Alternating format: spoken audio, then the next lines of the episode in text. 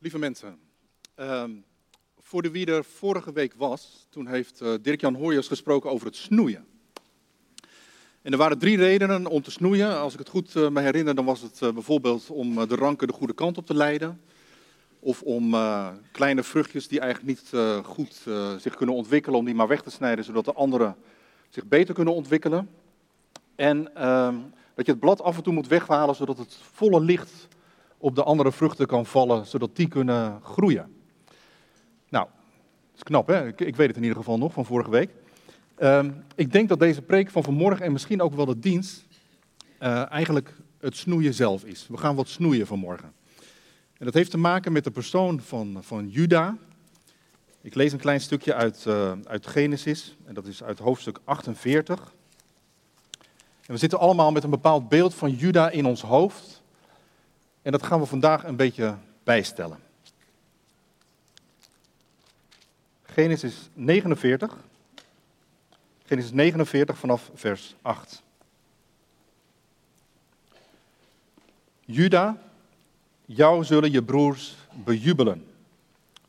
Voor jou buigt de vijand de nek. Voor jou zullen mijn zonen zich buigen. Sterk als een jonge leeuw ben jij. Je verovert je prooi, mijn zoon en keert terug naar je leger. Juda gaat liggen als een leeuw. Vol majesteit vlijt hij zich neer. Wie zou hem durven wekken? In Judas handen zal de scepter blijven, tussen zijn voeten de heerserstaf, totdat hij komt die er recht op heeft, die alle volken zullen dienen. Aan een wijnstok bindt hij zijn ezel, aan een wingerd het jong van zijn ezelin. In wijn wast hij zijn gewaad in druivenbloed zijn bovenkleed. Zijn ogen fonkelen door de wijn. Zijn tanden zijn wit van de melk. Nou, prachtige woorden natuurlijk. En ik denk dat u dat ook al wel opvalt. Hè? Er worden meerdere dingen over Juda gezegd. En het ene is bijvoorbeeld dat hij een leeuw is die zal overwinnen. En het andere is dat er iemand na hem zal komen die eigenlijk die heerserstaf zal overnemen. Nou, en dan hebben we natuurlijk ook onmiddellijk de verbinding met het Nieuwe Testament en met Jezus en met de adventstijd in zicht. En zo is het dan eigenlijk een heel mooi verhaal. Een prachtig verhaal van, van God die door Juda heen werkt en uiteindelijk degene brengt waarop iedereen, alle mensen, alle volken, maar ook heel de schepping zitten wachten. En in die zin is het ook haast een soort perfect script of een filmverhaal, een filmlijn. Ik denk dat we in ons hoofd vaak met dat soort verhaallijnen rondlopen. En dat we de werkelijkheid om ons heen, maar misschien ook ons eigen leven wel een beetje vanuit zo'n soort lijn bekijken.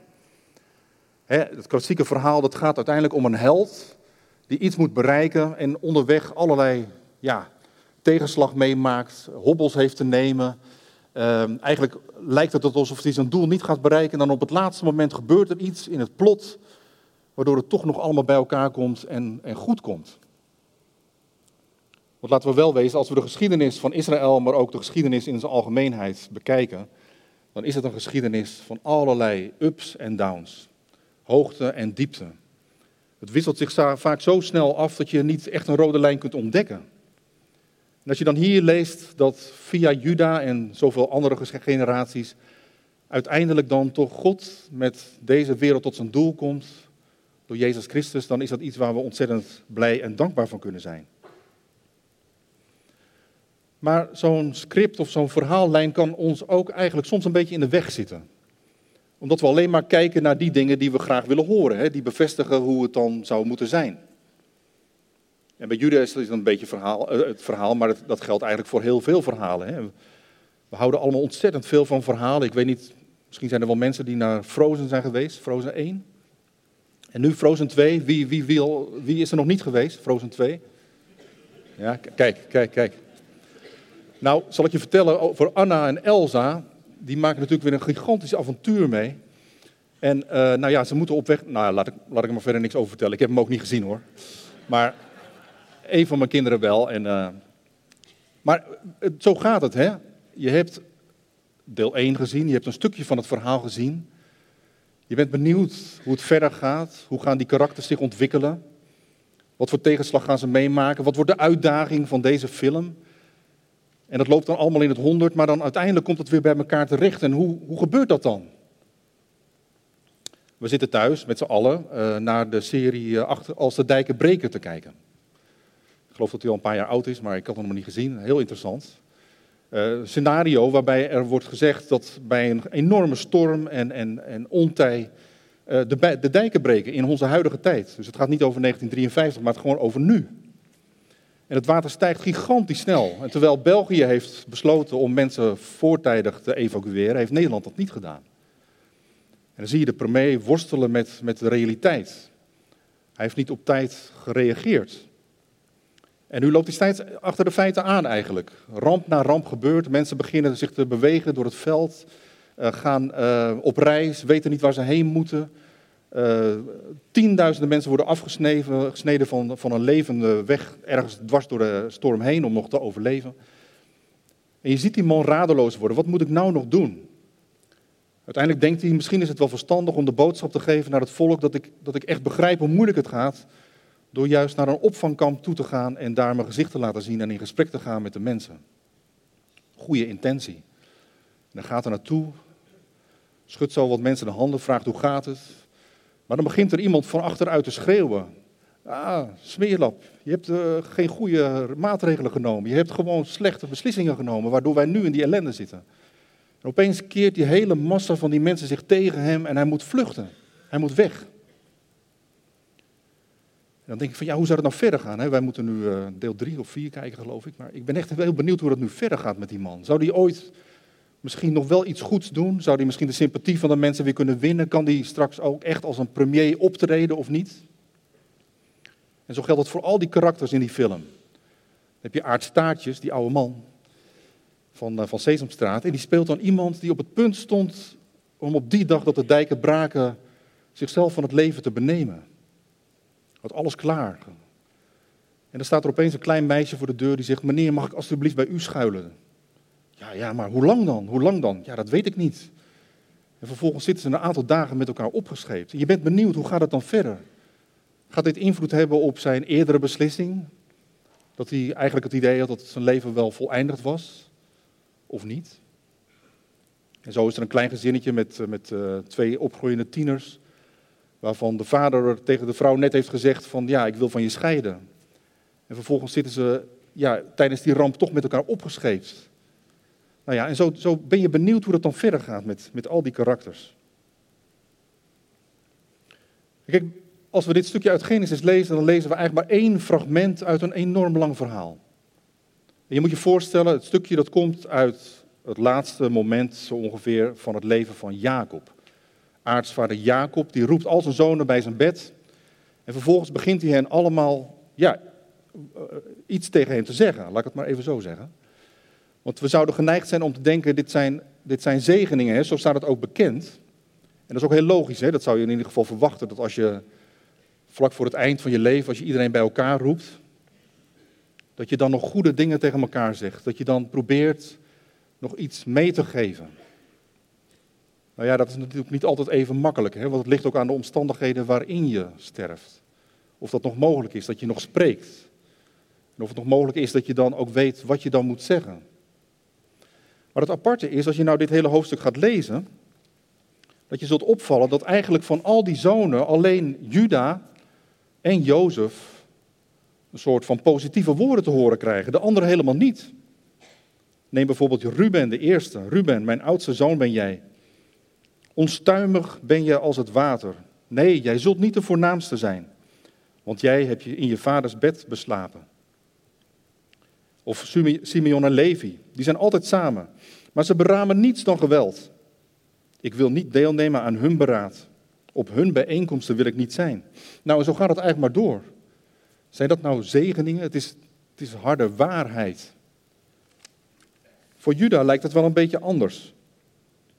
Van hem wordt gezegd dus dat hij een, ja, een toekomst heeft als overwinnaar. Hij is de sterkste, hij is degene die tussen zijn broeders opstaat. Maar dan nog, is dit eigenlijk wel een beschrijving over de toekomst? In feite lijkt het meer op dat Jacob op dat moment vooral beschrijft hoe de situatie is. Hij kijkt zijn zonen aan en zegt: Ja, Als ik nou de waarheid moet spreken over jouw leven, dan is dit wat jouw leven tot nu toe tekent. Uit op ruzie, op gevecht. Misschien misbruik maken van situaties. Niet zoeken naar andere oplossingen. En zo gaat hij maar door en dan tussen die beschrijvingen van dat familieleven ligt het dan een paar keer op naar boven dat je denkt van hé, hey, maar hier gebeurt iets bijzonders en dat is dus bij Juda en bij Jozef. Ja, Juda, als we hem nou eventjes wat preciezer bekijken, dan zou je kunnen zeggen dat er ergens wel reden is dat juist Juda wordt verheven boven zijn broers. We moeten het thuis nog maar eens bekijken. Maar er zijn verschillende momenten waarin hij eigenlijk naar voren stapt, terwijl zijn broers een beetje achteraf blijven. Een van die momenten is als Jozef door de broers samen in de put is gegooid, omdat ze een hekel hebben aan zijn praatjes en verhaaltjes.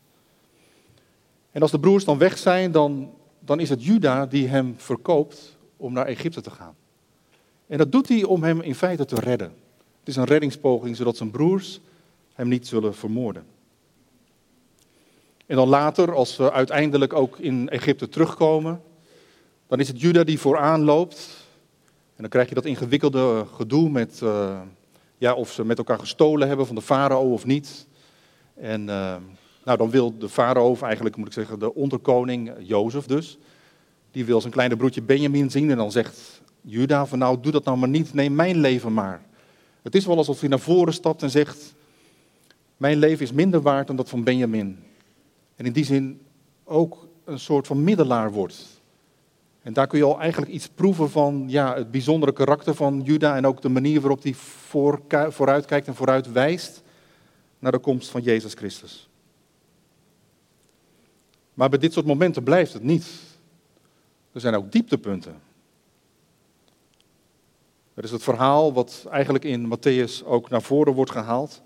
Ik zal het zo eventjes uh, ook, ook, lezen. Het verhaal dat, uh, dat Juda drie zonen heeft. En dat de oudste die trouwt met Tamar. Maar de oudste zoon sterft. En dan is het volgens de rechtgeving van toen zo dat de tweede zoon dan vervolgens ook huwt met Tamar om kinderen te krijgen namens de eerste zoon. Ook deze tweede zoon sterft. En die derde zoon die er dan is, die onthoudt hij aan Tamar. En dat is, dat is voor Tamar moeilijk te verwerken, want dat betekent dat ze geen nageslacht zal hebben en dat ook de naam van de eerste zoon niet zal worden voortgezet. En dan bedenkt ze die list dat ze zich verkleedt als een hoer en langs de weg gaat zitten daar waar Jacob langskomt. Uh, Jacob, nee, Juda. En Juda die inderdaad daar langskomt, die gaat in op haar avances, die zoekt haar op. En vervolgens slapen ze met elkaar. En uiteindelijk wordt daar een kind geboren. Dat zijn van die verhalen waarvan je denkt van, hè, zullen we die maar even overslaan? Maar ze staan wel in de Bijbel en ze horen ook bij dat complete verhaal van, van Juda en van het voorgeslacht van Jezus dus. Dat kind dat wordt geboren, dat is uiteindelijk degene die opgenomen wordt met naam en toenaam in dat geslachtsregister van Jezus. Niet die derde zoon die Juda ook had gekregen, die wordt niet genoemd. Maar de lijn wordt voortgezet via deze Peretz. Dat is heel bijzonder. Daarmee wordt in feite ook die hele geschiedenis opgenomen in dit verhaal van Jezus Christus.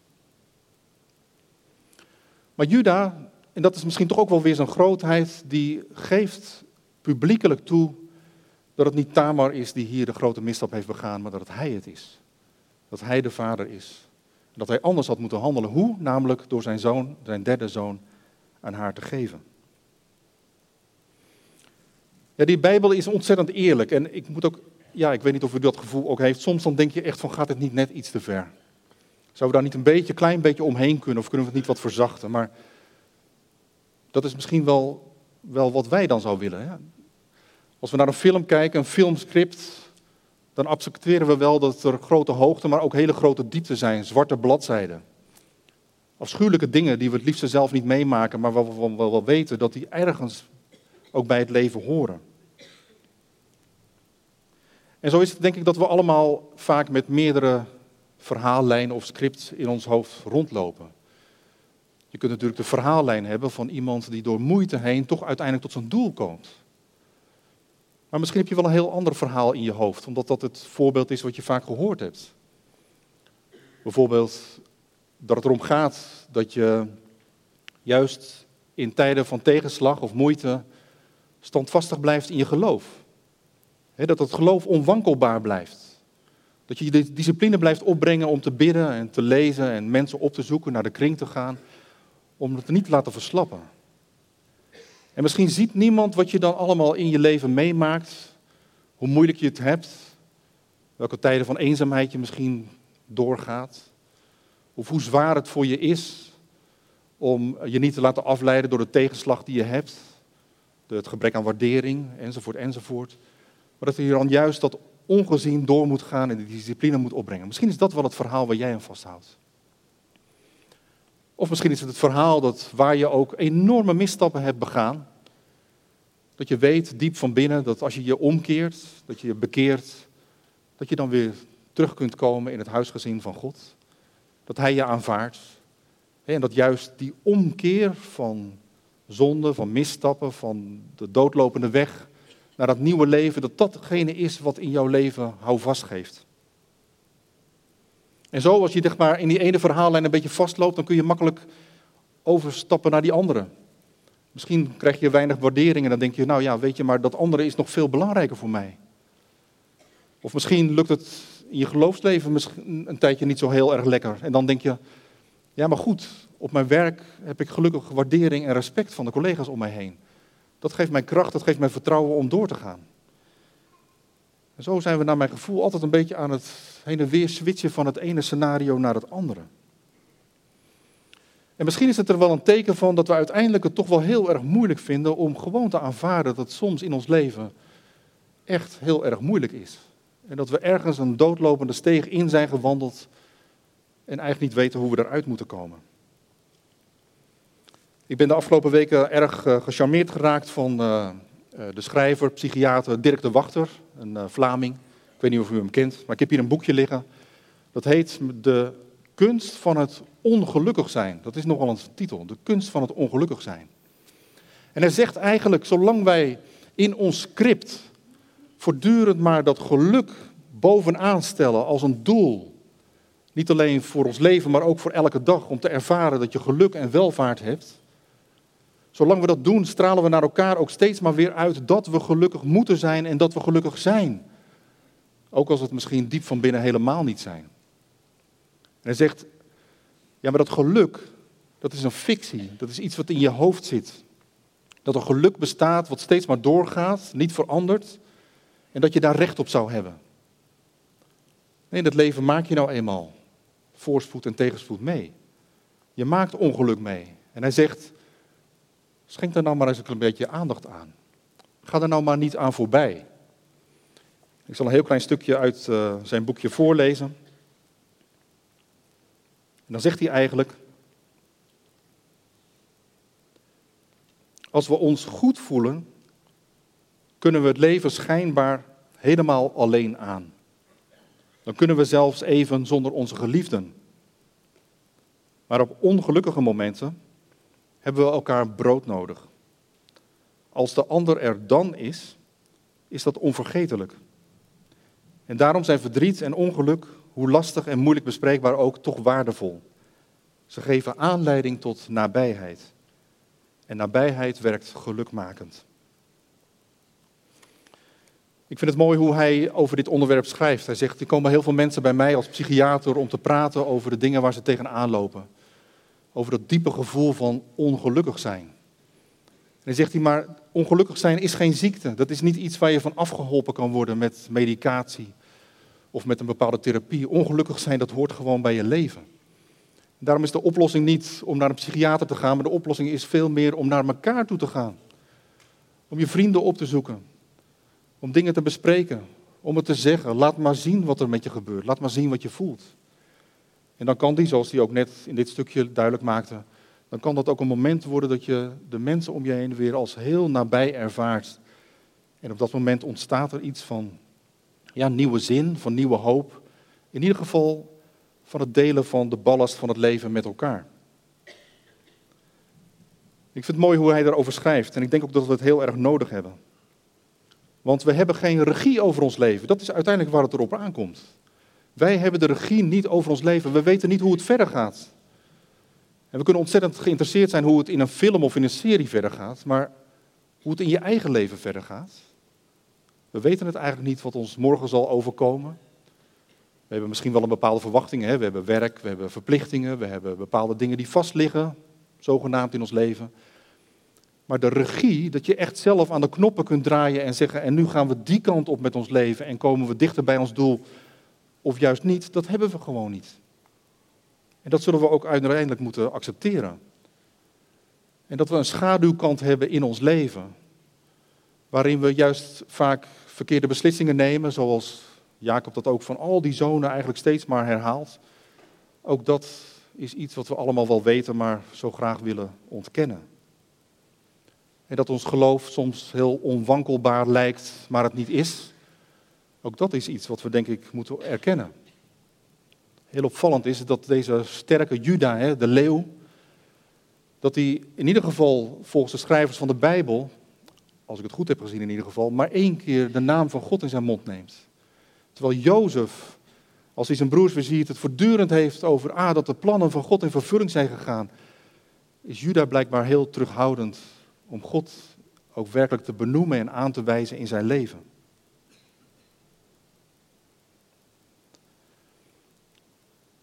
En ja, zo komen we dan bij Matthäus 1. Ik pak er even een paar versen bij, omdat we het dan eventjes toch wat concreter kunnen maken. Ik lees de eerste verse. Dit is een overzicht van de afstamming van Jezus Christus, zoon van David, zoon van Abraham. Abraham verwekte Isaac. Isaac verwekte Jacob. Jacob verwekte Juda en zijn broers. En Juda verwekte Peres en Zerach bij Tamar. En Peres verwekte Gesron, Gesron verwekte Aram, enzovoort, enzovoort. Dus terwijl hier Juda gewoon genoemd had kunnen worden als de vader van Peres, die weer de vader is van Gesron, wordt er met nadruk gezegd dat het het kind is verwekt bij Tamar. En ik denk dat daar een hele mooie, troostrijke boodschap in zit. Net als dat trouwens geldt voor andere personen uit dit gedeelte, zoals Rahab. Dat de lijn van afstamming van Jezus bepaald niet een rechte lijn is. Die lijn die gaat via allerlei kronkels waar wij zouden denken dat het een afslag neemt. Die het onmogelijk maakt dat die lijn wordt voortgezet. Voegt God die lijnen zo bij elkaar dat uiteindelijk de geschiedenis verder kan gaan. En heel sterk met naam en toenaam worden de mensen die misschien niet in het rijtje thuis horen volgens onze gedachten juist opgenomen als essentieel. Als essentieel. Dat geldt voor Tamar, dat geldt voor, voor dat geldt voor Rut, dat geldt voor mensen die uit Israël komen, maar ook uit niet-Israël komen. Maar dan is er nog iets anders aan de hand en dat is aan het eind van dit stukje te lezen. Als we namelijk bij de laatste geslachten komen, en ik lees eventjes vanaf vers 15. Dan krijgen we een aantal namen die wij zelfs niet eens kennen, omdat ze verder nergens in de Bijbel worden genoemd, maar blijkbaar wel in dat voorgeslacht worden opgenomen. Eliud verwekte Elazar. Elazar verwekte Matan. Matan verwekte Jacob. En Jacob verwekte Jozef. Jozef, de man van Maria. Bij haar werd Jezus verwekt, die Christus genoemd wordt. Ja, we zijn zo gewend om deze tekst te lezen, maar, maar let even op. Er wordt hier dus een, een, een, een afstammingslijn geschilderd die helemaal uitloopt op Jozef. En dan moeten we aan het eind constateren dat, dat Jezus helemaal geen zoon van Jozef is. Dat is toch merkwaardig? het heet het geslachtsregister van Jezus, maar de laatste stap, de laatste schakel, dat klopt niet. Want Jezus is immers geboren uit Maria en uit de Heilige Geest, niet uit Jozef. Dan kun je zeggen van, nou oké, dat is een manier om duidelijk te maken dat dat wel op een natuurlijke wijze is gemaakt. Maar heel nadrukkelijk wil de schrijver van Matthäus zeggen, we hebben die hele lijn getekend. En dan aan het eind, dan wordt als het ware Jezus aan die lijn vastgeknoopt via Maria. Die getrouwd is met Jozef. Dus het is net alsof hij van de zijkant opeens ingevoegd wordt. Snapt u wat ik bedoel? Ik denk dat dat de essentie is eigenlijk van dat hele hoofdstuk, maar ook voor ons misschien wel van het onderwerp waar we het over hebben. Die lijn van geslachten die is namelijk op een bepaalde manier compleet vastgelopen. En niet op één manier, maar op meerdere manieren. Weliswaar is er uit het nageslacht van Juda een koning gekomen als David, maar ook dat koningschap is uiteindelijk uit elkaar gevallen en is doodgelopen.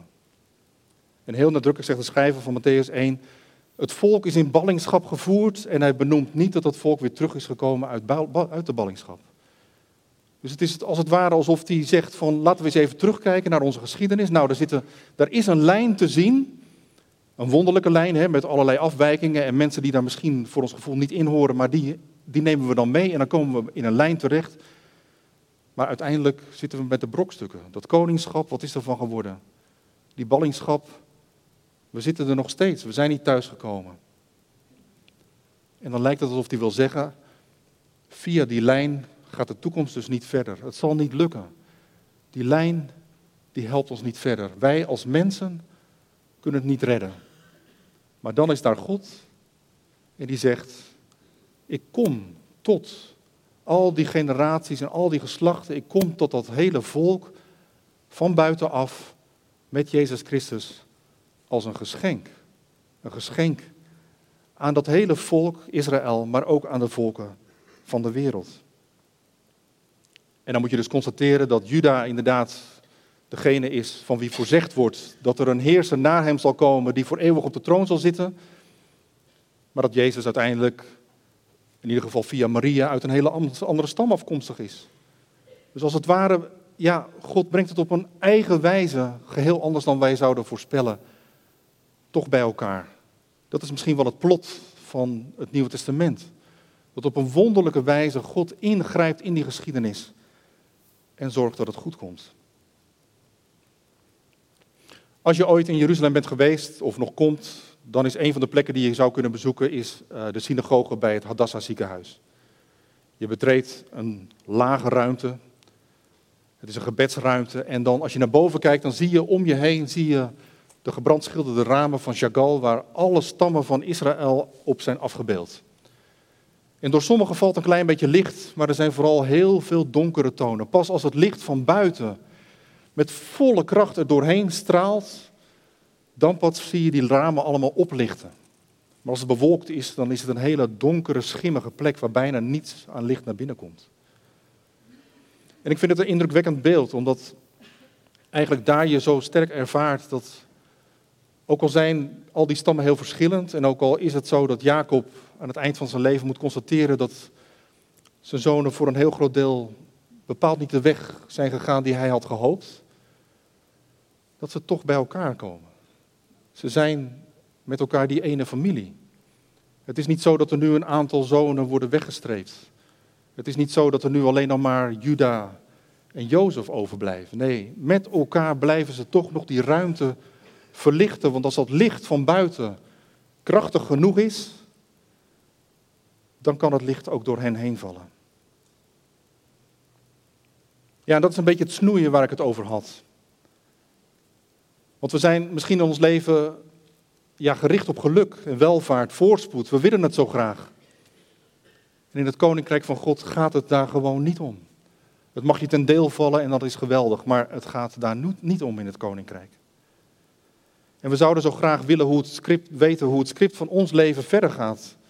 Of als we het even wat breder trekken, hoe het met onze gemeente verder gaat. Of hoe het met de wereld verder gaat. Of met dat koninkrijk, hoe gaat dat nou verder? En als je om je heen kijkt, dan zou je haast denken, er is iets mis met het script. Het lijkt wel alsof er niemand meer aan het werk is. Alsof de film tijdelijk is gestopt. We zouden het zo graag weten. En dat is dan de boodschap die, uh, denk ik, in dit verhaal zit. Dat namelijk de geschiedenis die voor ons ligt open is. En als Jozef die woorden spreekt tegen zijn zonen, dan is het ook niet omdat hij nu eens eventjes op een rij zet hoe de situatie is en zal blijven. Nee, ik denk dat hij heel sterk bedoelt. Dit is wat ik nu zie. Dit is nu wat ik zie van jou. Maar ik hoop dat je juist met wie je bent en hoe je leeft, God niet kwijt zult raken. En misschien dat er nog allerlei andere dingen zullen gaan gebeuren met jou. En zo is het ook gegaan natuurlijk in die geschiedenis. Met al die verschillende stammen, die hebben hun eigen verdere geschiedenis gehad. Met weer opnieuw hoogte- en dieptepunten. Als Jacob die woorden spreekt, is dat niet om een oordeel uit te spreken. Maar misschien meer een spiegel waarin je kunt kijken om te denken, hoe zal ik dan mijn weg verder gaan? De kerkvader Augustinus die zei, we kunnen het verloop van de geschiedenis niet kennen. En dat hoeft ook niet, want daarin kun je je houvast namelijk niet vinden. Ook al zou je weten hoe het er over een jaar voor staat, het zou jou uiteindelijk geen houvast geven. En omdat we zo geneigd zijn om ons houvast in dat soort dingen te zoeken, daarom is het nodig dat we die weg steeds radicaal afbreken en tegen elkaar zeggen, daar zit ons houvast niet in. En, zegt Augustinus dan, dat leert je dat je houvast alleen maar te vinden is bij God. En dat leert je dat je op deze dag vandaag mag zoeken naar zijn wil. Voor vandaag. Voor de dingen die je vandaag te doen hebt. Voor de mensen die je vandaag tegenkomt. Voor de dingen die je in gedachten meeneemt. Zodat je, je je hart in al die omstandigheden steeds weer zult richten op Hemzelf de zegen die we mogen ontvangen met elkaar en die we ook mogen doorgeven aan elkaar. Dat is geen beschrijving van hoe iemand is. Een zegen is geen oordeel over iemand, of die goede kanten heeft in zich of minder goede kanten. De zegen is eigenlijk de wens dat bij alles wie jij bent en wat je meemaakt, je uiteindelijk beseft dat je niet uit de hand van God zult vallen. En zo zitten we zo meteen ook met elkaar aan het avondmaal. Ik moest eraan denken dat vroeger in de tijd van de woestijn, volgens de beschrijving uit het Oude Testament in ieder geval, het tabernakel altijd in het midden stond in het legerkamp. Legerkamp klinkt een beetje erg militair, maar in ieder geval in de plek waar men verbleef. En die stammen die waren er dan allemaal zo omheen opgesteld. En ze konden elkaar voortdurend zien. En het centrum van hen was die ene tabernakel. Maar ze hadden elkaar nodig om die grootheid van God te kunnen zien. De hoogte, de diepte, de breedte, de lengte van Gods liefde. En zo mogen we ook met elkaar zo meteen het avondmaal vieren. We doen dat met elkaar als één gemeente. Met alles wat wij met elkaar in huis hebben.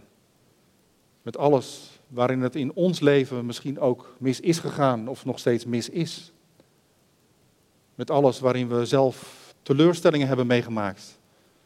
Waarin we soms radeloos kunnen zijn omdat we het script van ons leven niet begrijpen. Maar ook met alles wat we op kunnen brengen om toch te vertrouwen en onze hoop te zoeken bij God zelf. Amen.